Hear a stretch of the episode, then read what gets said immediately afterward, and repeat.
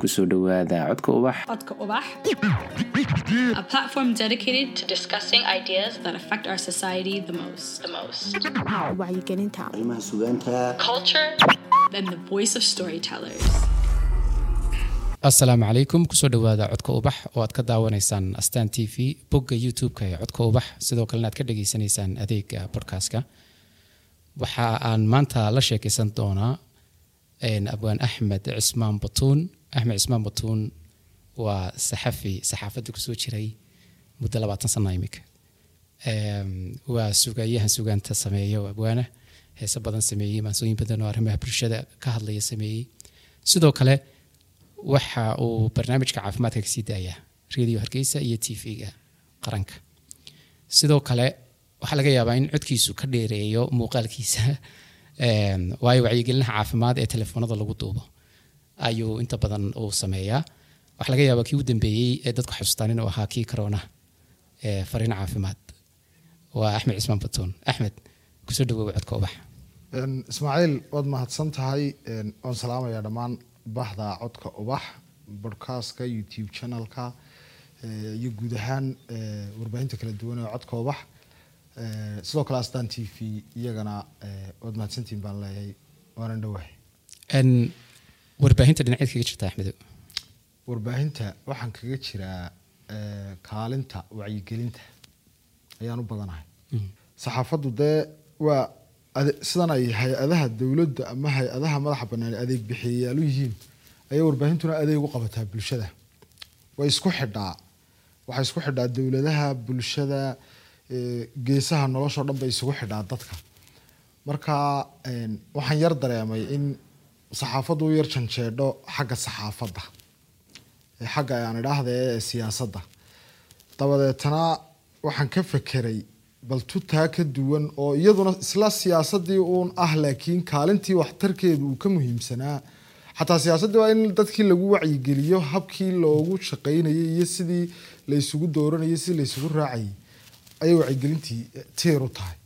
Markaa taasaan ku doortay waxaad ka shaqeysaa dhanka caafimaadka caafimaadka laftiisa maxaad ku dooratay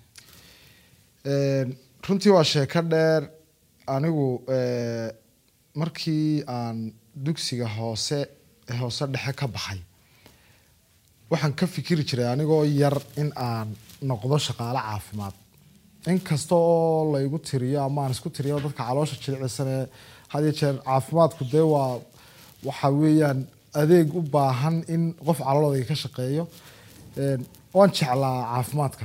Sidoo kale saxaafaddana waan jeclaa. Laakiin marnaba igumay soo dhici jirin in labadooda aan isla heli karo oo anigoo saxafiya aan caafimaadkina ka shaqeyn karo. Sidii baan dugsi sare kaga baxay dabadeetana waxaan kala doortay labadoodii caafimaadkii iyo saxaafadii. Eh, labadii kun iyo saddexdii baan dugsiga sare ka baxay waxaan go'aan ku gaadhay inaan markaa warbaahinta oo aan isri way ka fududahay malaha caafimaadkii. Aan u shaqo tago radio hargeysa labadii kun iyo saddexdii ka bilaabay shaqada. Waqtigaa waxaa wasiirka warfaafinta ahaa cabdilaahi maxamed ducaale oo nool imika jooga ilaahay khayr badan ha siiye kana mid ahaa dadkii ii fududeeyey warbaahinta ku soo biiro. Radio hargeysa markaan ka bilaabay tababarka on job trainingka ah laygu siinayo meesha oo ay joogaan farsamo yaqaanadii iyo shaqaalihii wax soo baray in badan oo kamidihii in badan oo tiirar ahayd oo allah u naxariistay xasan jaamac aabe uu ka mid ahaana ay geeriyootay sidii baan ku noqday farsamo yaqaan buuxa oo radio hargeysa ka shaqeeya. Haddana waxaan ku daray inaan anoo farsamo yaqaan oo weriye noqdo.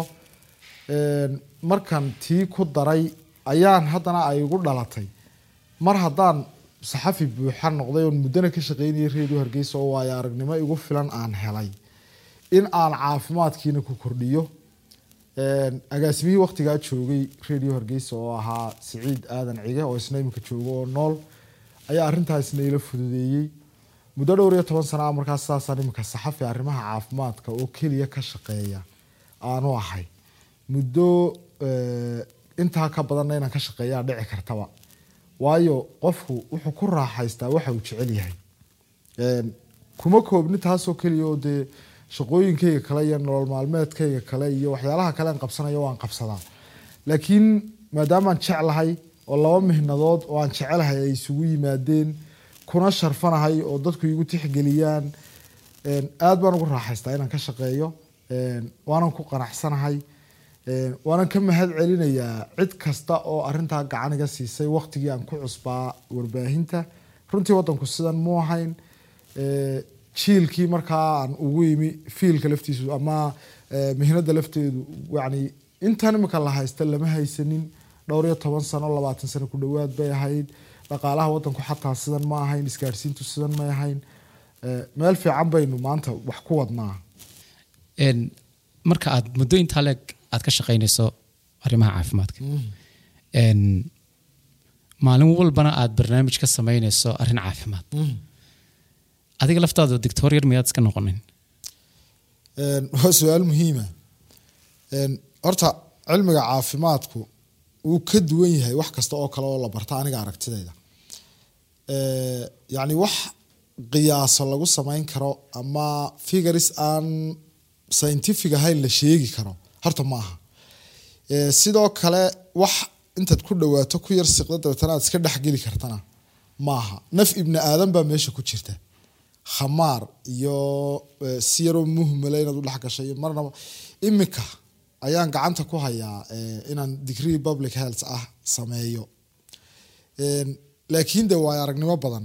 Waan ka faa'iiday khibrad badan baan ka helay waxyaalo badan baa iigu fududaaday aragtiyo kala duwan oo aan ka aaminsanaa aqoonta caafimaadka ayay wax iska bedeleen laakiin marnaba ma odhan kara dee shaqaalihi caafimaadkaad ku dhawaatay ma odhan karo muddo waxaad ka shaqaynaysay labaatan sanadooda ayaad ka shaqaynaysay warbaahinta. Ah, labaatankaa sannadood dee dhacdooyin baa kula kulmaya ya maraad ku cusub tahay.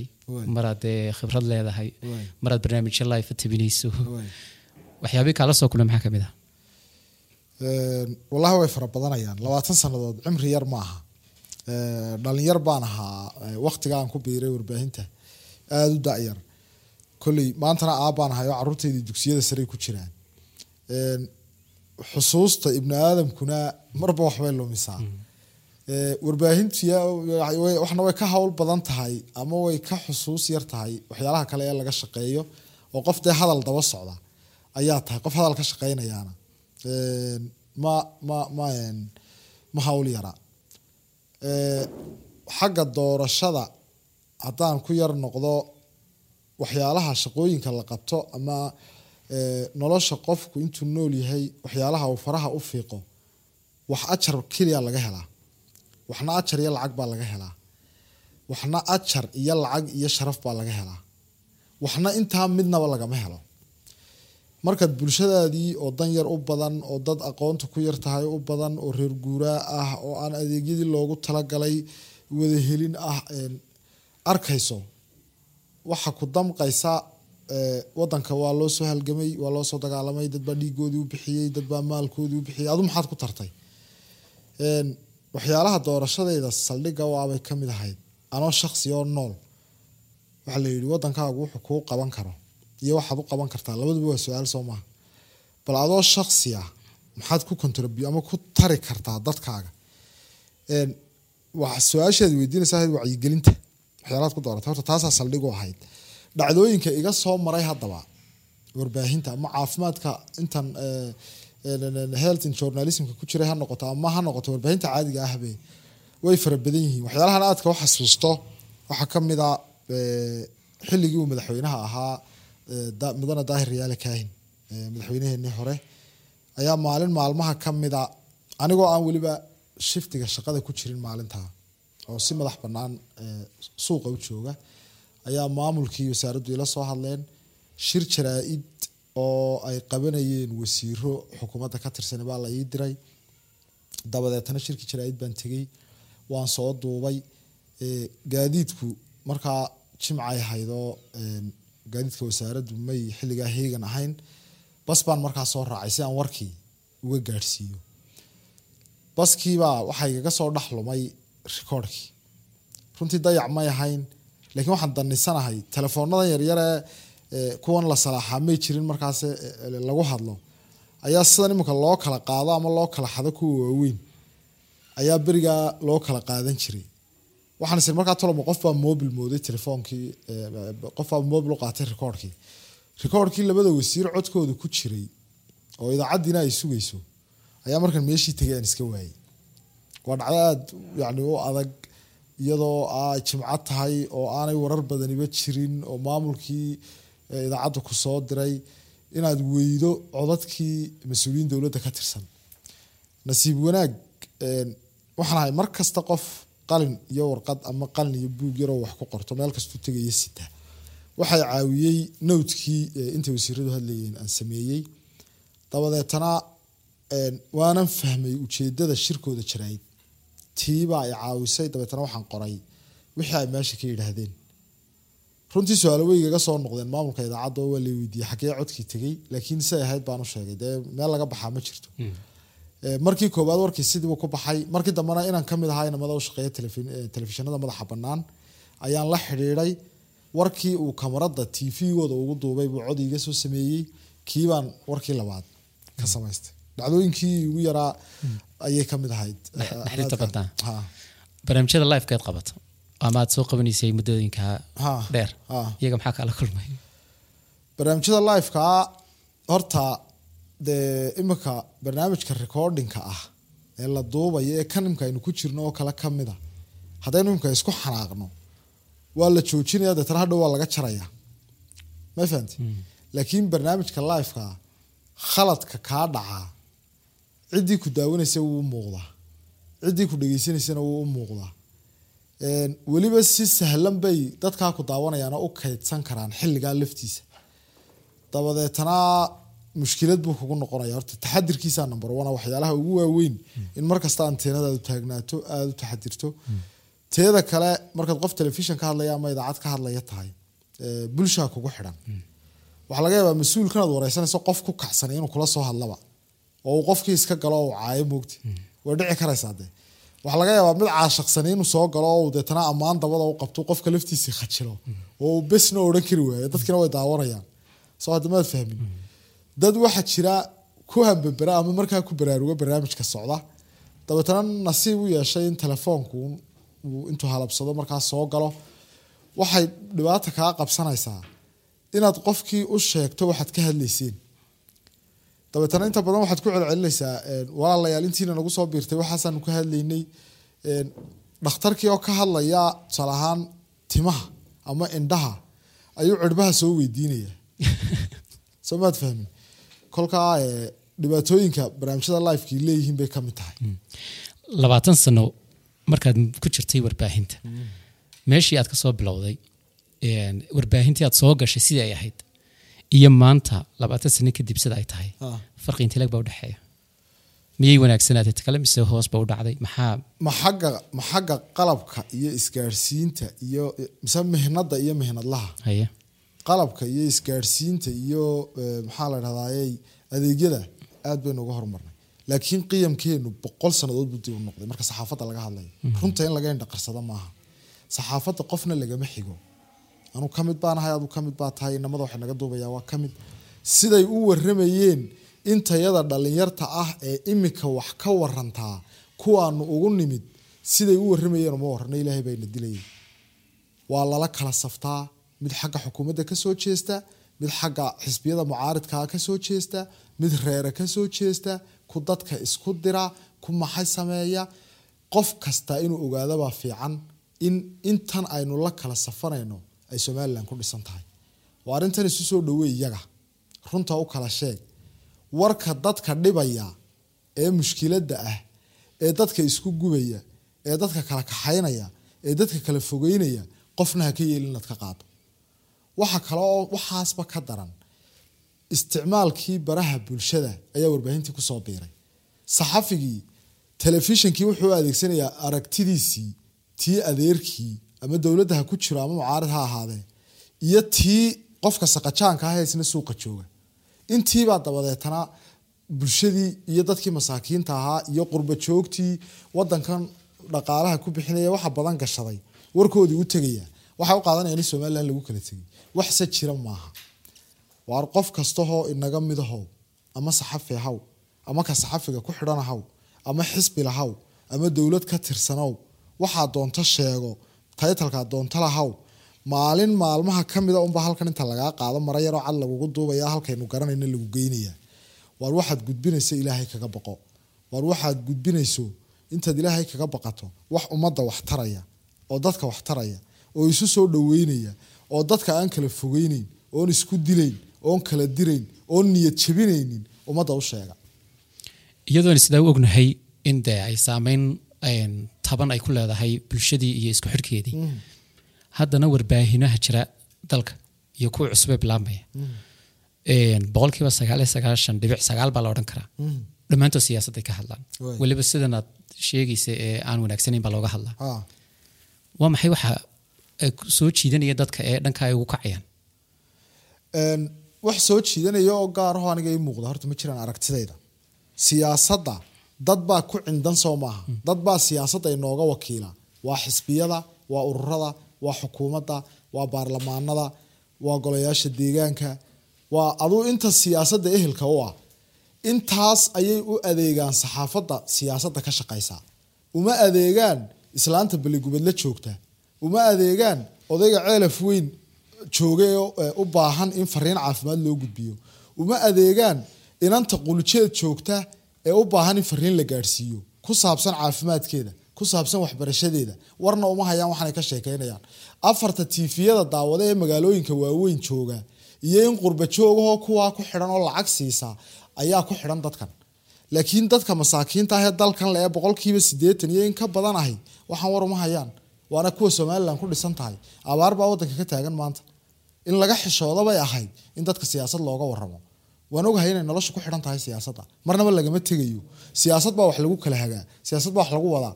Markan saa u hadlaya yaan qalad loo fahmin oo aan loo arkin inaan leeyahay waa xaaraan. Ma aha. Laakiin siyaasad caqli ku dhisan oo xiliyeysan oo marba halkay joogto iyo iswaafajinteedu wadataa loo baahan yahay in dadka lagala hadlo. Maaha un iminka haddaan idhaahdo kubadda mar baan ciyaaraya marna waan daawanaya marna waan ka sheekeynaya noloshii maxaa ii soo hadhay waxba. Dee saasun baynu noqonay iminka. Waar dadka qashinka iska gura ku dheh waar dadka amnigiina ilaashada ku dheh waar dadka iska ilaaliya ku dheh waxyaalaha wadankiina xuduudaha ka soo gelaya. Baylahdeenu siyaasadun maaha saaxiibayaal baylahda aynu leenahay siyaasad keliya maaha. Ummadeenni wacyigelin bay u jabtay. Wax aan kharashi naga gelin bay u baaba'aysaa oo ay u dhimanaysaa. Waar dadka aynu wax u sheegno oo siyaasadana saaxiibayaal ka shaqeeya oo waqtigeeda siiya oo ku jira. Intiina weliba sida fiican uga shaqaysana waanu idinku ammaanaynaa.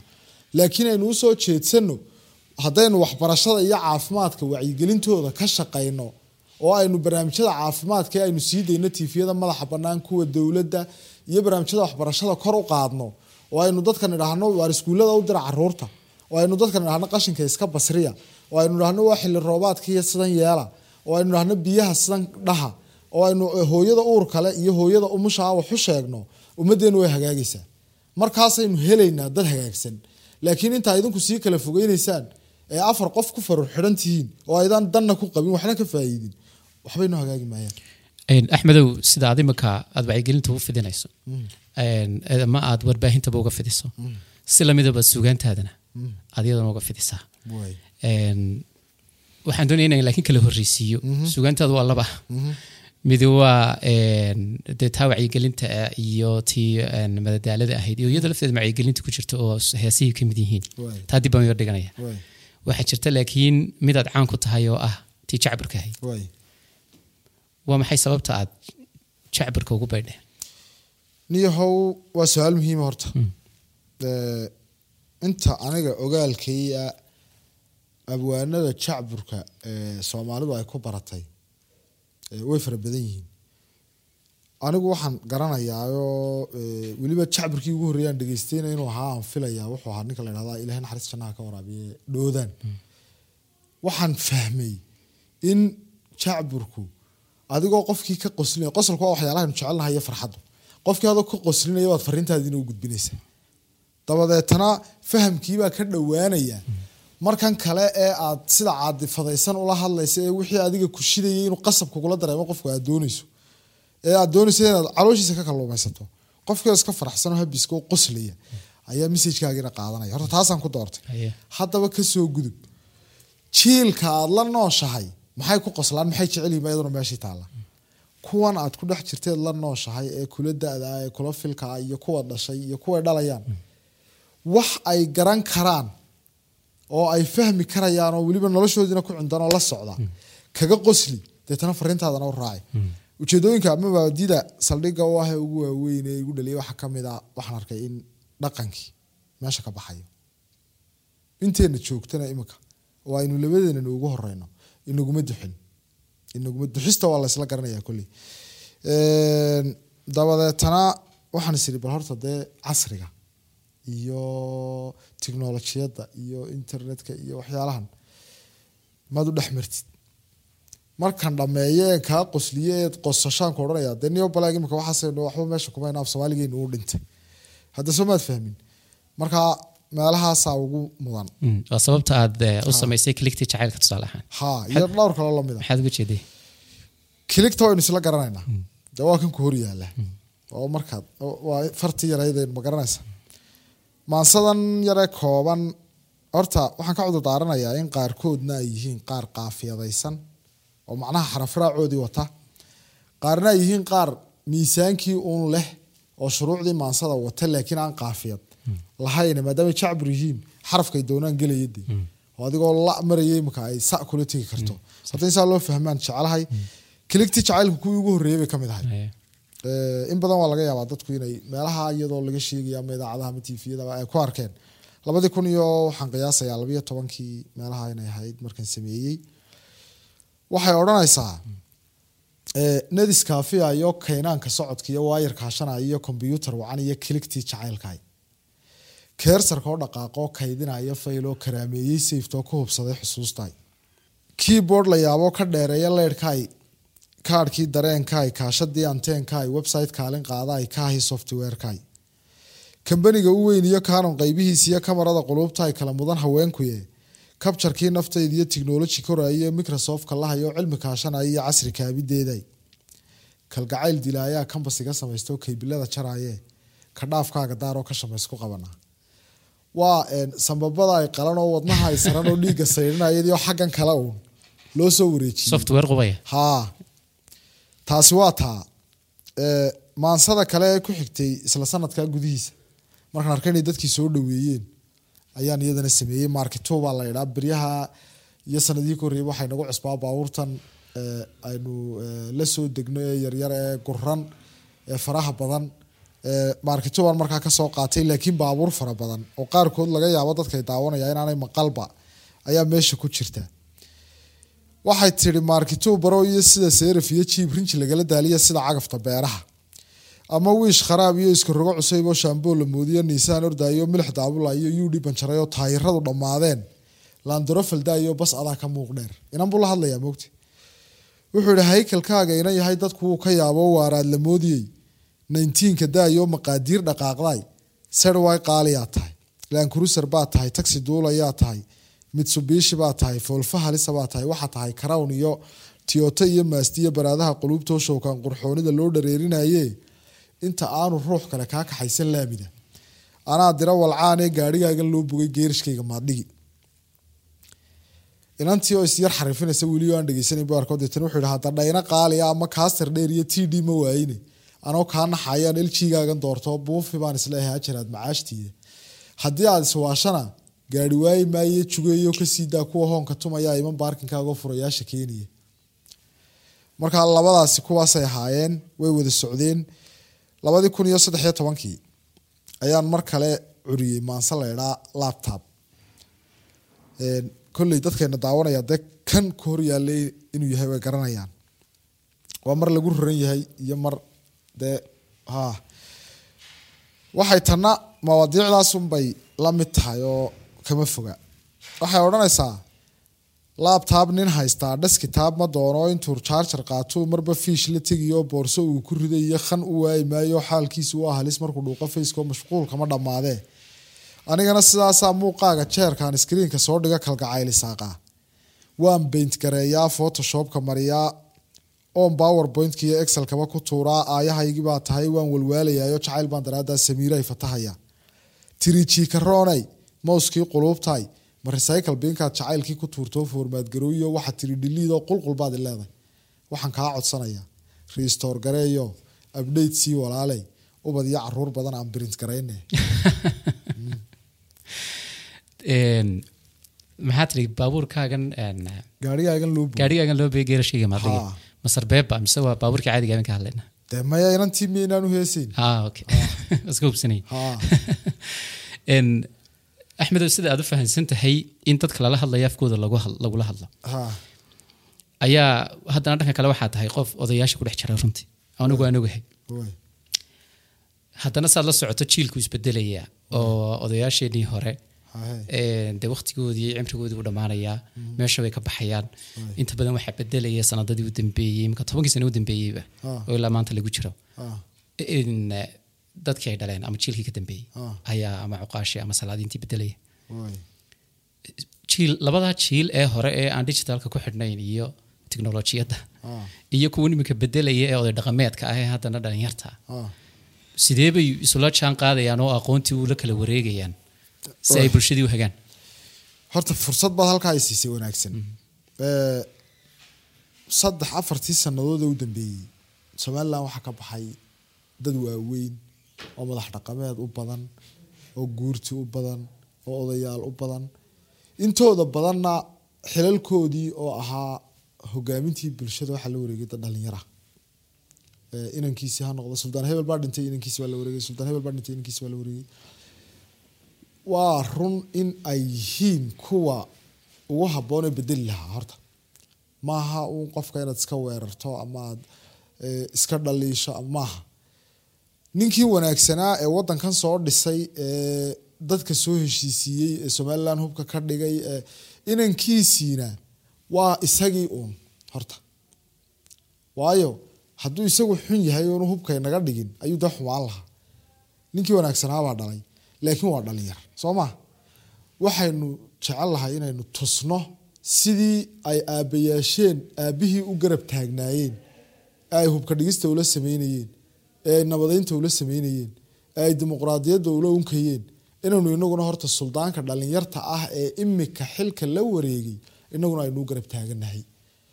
Suldaanka dhalinyarta ah waxaynu ku kaabaynaa taladeena waxaynu ku kaabaynaa maxaa la dhahda aragtideena waxaynu ku kaabaynaa cunfi la'aanteena iyo qabyaalad la'aanteena iyo xumaan la'aanteena waa suldaan reer somalilana waa caaqil reer somalilana waa madax reer somalilana waxaynu kula talinaynaa in sidii aanu yacni ugu milmin cunfiga siyaasadda iyo xumaanta siyaasadda ee wadanka hadduu xataa siyaasadda ama dhexdhexaadin ka gelayo ama wanaag ka sameynayo inuu yacni noqdo isu soo dhaweeye aan kuu la dhashay iyo kuu ka soo horjeedo iyo midna la safanin ee labadaba dhirbaaxa oo labadaba u ah madax dhaqameed oo labadaba isu soo dhaweeyo oo kuna ixtiraamo sharciga iyo qawaaniinta iyo golayaasha inoo yaalla toodii uu ku Een, labadoodana warbaahintii aynu canaananaynay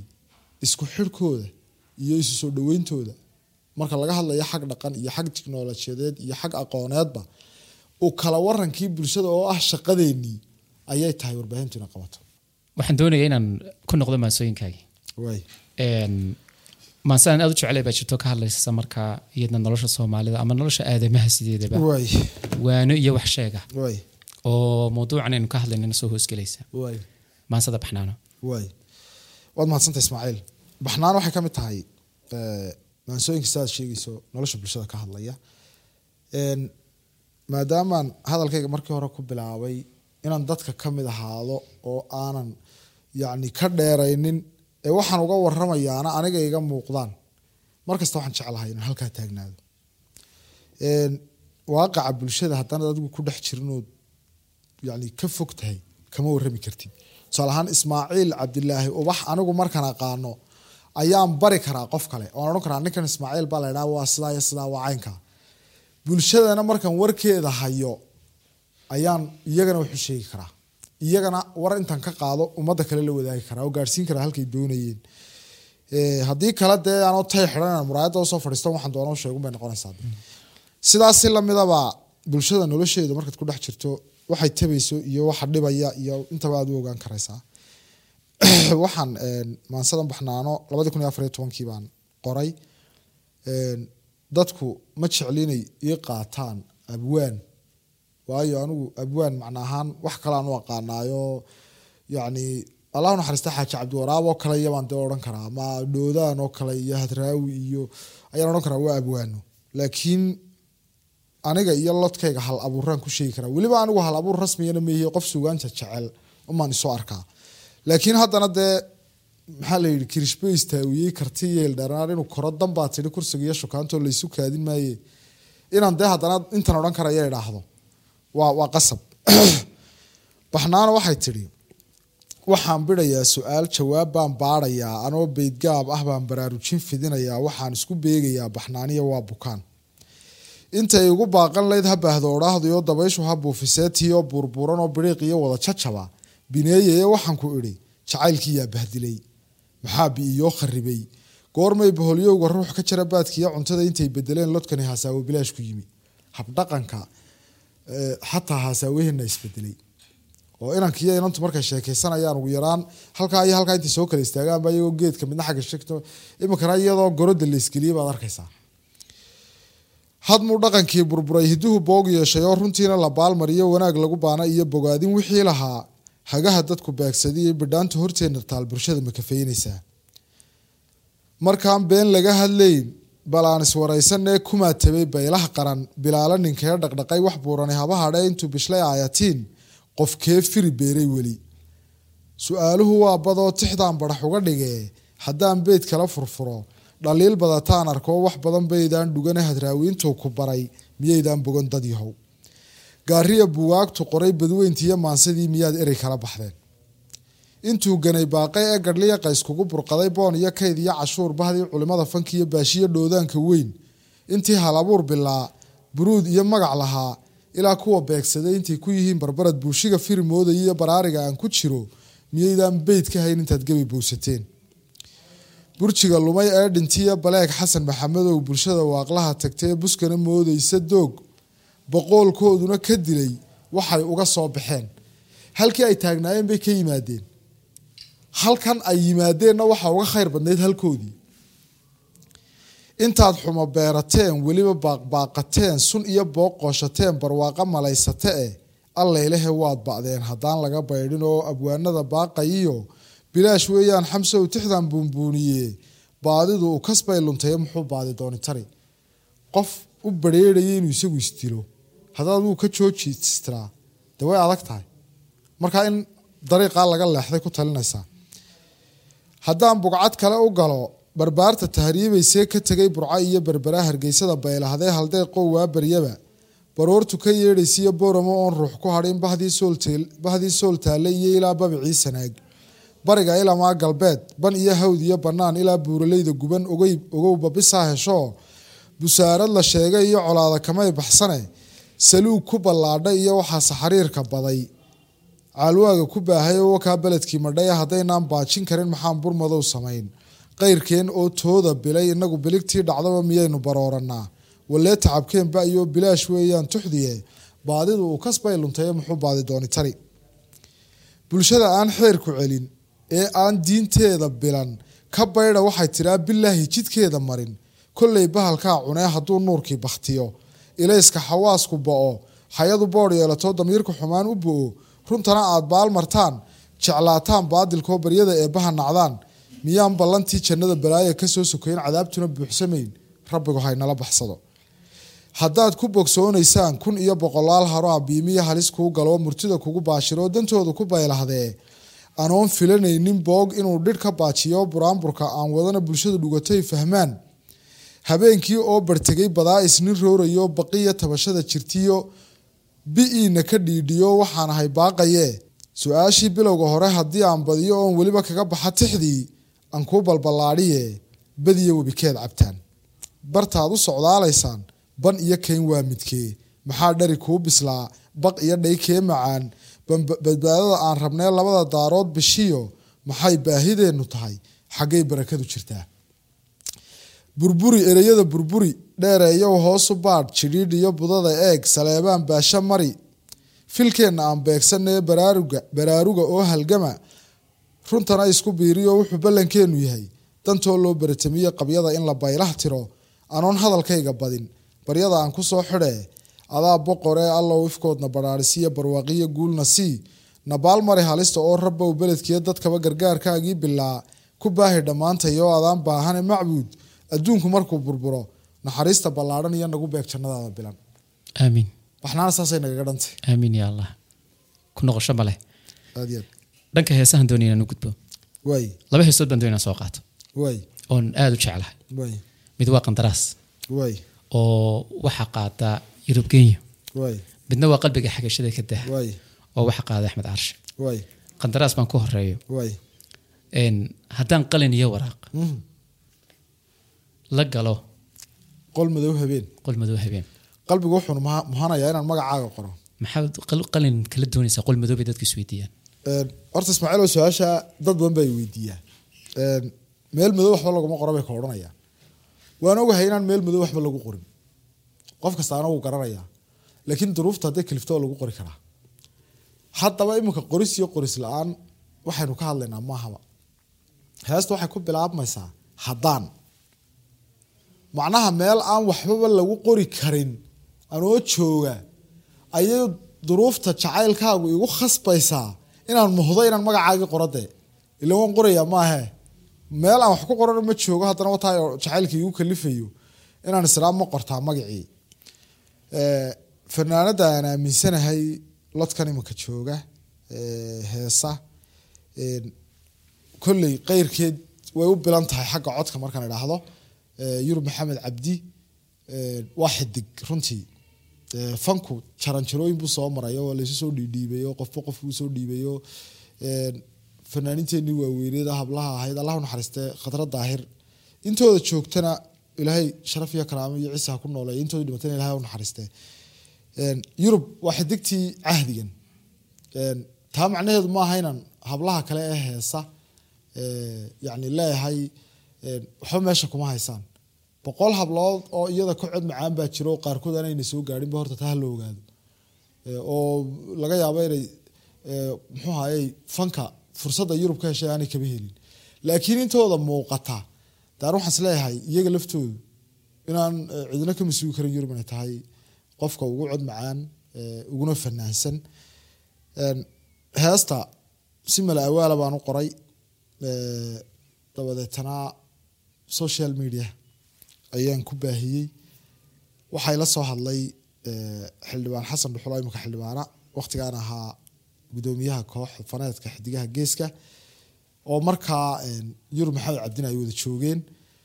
Dabadeetana wuxuu igu niyahu heestaa aad facebooka ku soo qortay een, yurub baa codsatay inay qaado dee waxaan ku uri yurub anaaba toosh ku daydiyay inay heestii qaadee maxaan ka qabaa dabeetana subaxnimadii waanu ballanay si waanu isugu nimid heestii waanu isla eegnay xasan dhuxul baa laxankii saaray een, dabadeetana qandaraas sidii bay ku soo baxday. Waxay markaa odhanaysaa haddaan qalin iyo waraaq la galo qol madow habeen qalbigu wuxuu muhanayaa inaan magacaaga qoro. In badan waan qarinayay anigu waan kugu qancoo duuduub kugu qaatay oo qudhaydaadaa xukuma warkayguna waa qisoo waxaan qandaraasayaa nolosha qeybaha hadhee inaan qoys kula noqdiyo miyaanu qalmaa xubiga waa su'aal. Beydka labaad ayay yurub odhanaysaa waxaan haddaan kula qaadan haddaan kula qaadan lahaa nolosha kula qaybsan lahaa qudhaydu waxaa qudhaadu waxay rabtaan qumaati u yeeli laha macnaha nolosha haddaan adiga kula qaadan lahaa kula qaybsan lahaa qudhaadu waxay rabtaan qumaati u yeeli laha dhankaaguna waa qabye qiimee waxaan doonayo qiimee waxaan doonayo qalqaalo aroos mugliyo qorshee farxadayda guud. Warkayguna waa qiso waxaan qandaraasayaa nolosha qeybaha hadhee inaan qoys kula noqdiyo miyaanu qalmaa xubiga heesta kale waxaa qaada ninka la idhaahdo axmed caarshe qalbiga xagashada ka daa. Run ahaantii qalbiga meel xigtaa ha kolley qalbi waa af carabi horta wadnahaynu u naqaanaa. Markaa markaad kelmadda carabiga halkan inaga dhigtay wadnihii aynu soo dul istaagno. Waxaa jira wadne macnawiya iyo wadnahan aynu garanayno. Imika inan aad jeceshahay adiga ismaaciili ood walaal ku leedahay waar tag hadday ku tiraa? De erey shoora baa kugu soo noqday soomaalidu shoor bay tiraa qalbi xagashadu waa taasoo kortay. Hebel waan ka qalbi jabay ama heblaayo waan ka qalbi jabay soomaad maqal qalbigan jabaa kan maaha waa qalbiga macnawiga ah ee nagu jira. Ma fahanti? Ama niyadda ama kasha waxa doonta dheh. Markaa wuxuu yidhi qisaasta ka reeb cishqiga qofnaba kama feejigtee qora inaad wax jeclaato miyaad qorshaysataa? Mise wuu kugu dhashaa wuu kugu dhalanaya unde markaa kama feejignaan kartid. Aniga weligay jacayl laguma dhici karo ma odhan kartid. Kama feejigan kartid. Waa wax saacaddu doona iman kara macnaha inaan ku cawriyo dee ma qorsheyn karo. Inaad cawridana ma qorsheyn kartid. Waa saasoo kale. Dabeetana wuxuu yidhi qisaasta kar macnaha waa qafladan un dee dadka ku dhacaysa adigana waa kugu dhici karaa. Imaad ilaaha ka yaabtid ayuu leeyahay oo daad iga daysid sidan. Qisaasta ka reeb cishqiga qofnaba kama feejigtee qoraal qoraalka adoo ogsoon qabiixa ka daa xubiga ha qodin booraan hadimo dadkana lama quursadee nolosha ila qaado oo ka qaad jamashada xumaha. Ha gelin qodobada nabsiga jacaylkuna yuu qardumin qalbiga xagashada ka daa. Ha qadin ruuxii ku jecel waa beydkii labaad. Ha qadin ruuxii ku jecel nacayb ha u qiil samayn runtana qari ha isku odhan qayrkaa adigoo la siman qabiyo kibriyo ku lumin. Naanaysna ha qaadan oo wargeysyadu yay ku qorin. Qorshaha guurkana daryeel ha gelin qodobada nabsiga jacaylkuna yuu qardumin qalbiga xagashada ka salaam. Axmedow muxuu yahay qorshahaaga mustaqbalka dhanka warbaahinta? Qorshahayga mustaqbalka dhanka warbaahintu. Intii karaankayga horta inaan sii wado inaan bulshadayda uga adeego weliba kaalinta wacyigelinta ee ku salaysan gaar ahaan caafimaadka. Waxaan aada ugu hanweynahay in warbaahinta ay ka soo bixi doonaan dad jecel inay uga waramaan bulshada yacni kobcinta adeegyada caafimaadka. Marka caafimaadka laga hadlayo qof kastaa waxaa laga yaabaa inuu is yidhaahdo dowladdu kaalinteedii dowladdu waa inaga horta markaba yaanay kugu soo dhicinuun iyadu. Iyaga ka qaad fariintoo bulshada gaadhsii iyaga ku noqo waxaad tidhahdaa tuule heblaayo xanaana ka maqan maxaad u geyn weydeen. Bal hadeeg iyaga ku noqo waxaad tidhahdaa halkaa jadaaca ka dilaacday maxaa wax looga qaban waayey? Samaad fahmin? Inta aasaasiga ah ee saxda ana iyadoo aynu adeegsanayno maanta xirfadlayaal caafimaado fara badan baa jaamacadaha somalilan ka soo baxay dibadday qaar inooga soo baxeen way buuxaan dadkii mihnadlihii caafimaadkuna shaqo ma waayin. Wariyihii caafimaadkuna shaqo ma waayin. Sababaynu markaa angal yar isugu ururino oo aynu wax keliya uga shaqaynaa inooma soo bixin. Baylahda caafimaadka iyo waxbarashada wacyigelinteedu weliba gaar ahaan caafimaadkii oo noloshii ya waa baylaha inoo wada taala uma taalo xisbiyo uma taalo xukuumad keliya uma taalo wasaaradda caafimaadka uma taalo saxaafadoo keliya. Laakiin innagaa ah tiirkii lagu duulayay waa dadkeenna aynu jihayno oo dadkeenna aynu hagno oo dadkeenna xaqooda xataa dowladda aan uga soo dhicina dee. Ilan innagaa mas'uuliyadoodii qaadnaye ya? Een, markaa qorshahayga mustaqbalku horta waan muddo sii wadayaa Een, imika lafteedana waxbarashada caafimaadka ayaaban dee muxuu ahaye bilow ku hayoon is leeyahay aad bal insha allahu horta wax ka korobsatid allah ku dhib yarayo Een, si kastoo axmed u jeclaan lahaa inaan ku haysto. Kuma sii haysan kara waqtiga awgeed. Marka aad iyo aad baan u nagala soo qayb gashay. Axmed cismaan batuun barnaamijka codka ubax idinkana waxaan leenahay qalbiga xagashada ka daaya. Aad iyo aad baan u salaamayaa guda iyo dibadba bulshada somalilan iyo bulshada mandaqada bariga africa ku nool ee soomaalida ah. Si gaara waxaan jeclahay inaan ugaga tago qurba joogta somalilan. Runtii waa dad qalbi wanaagsan somalilan oo dhaqaalaheeda aynu garanayno ee, inta ugu badan waxaan aaminsanahay anuu shakhsiyan inay yihiin dadka ku leh yacni saameynta dhaqaale ee ugu weyn somalilan dadka ku leh dib u dhiska dalka.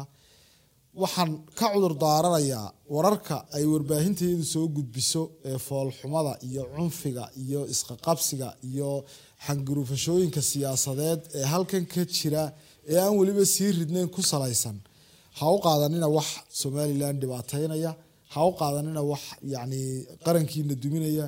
Ha u qaadanina wax tacabkiinii baabiinaya. Waa in aan hubo in laga heshiinayo. Waa inaan ogahay in ay dhammaanayso. Run ahaana warbaahinta waxaan mar kale ugu celinaya inaynaan ummadeenna niyad jabinin inaynaan ummaddeena qalbiga ka xaganin inaynaan ummaddeena yani kala fogeynin laysu soo dhaweeyo. Sidii dhaqankeenu ahaana arrimaha siyaasiga ah ee imika taagan ee muranadooda iyo ay taagan yihiin. Ee loo badan yahay weliba in arrin sharci tahay. Waxaan ogahay boqol kiiba boqol in lagu heshiinayo ilahay damkiisa waana dhaqanka somalilan. Qurba joogta fariintaasaan u dirayaa saxaafadda waan la hadlay xukuumadda waan la hadlay waana iga dhantay. Adna waad mahadsantahay ismaaciilow aad baad mahadsantahay axmed laa ku anfaco cid kasta. Aad iyo aad baad mahadsan tahay wasalaamu calaykum waraxmat wabarakaatu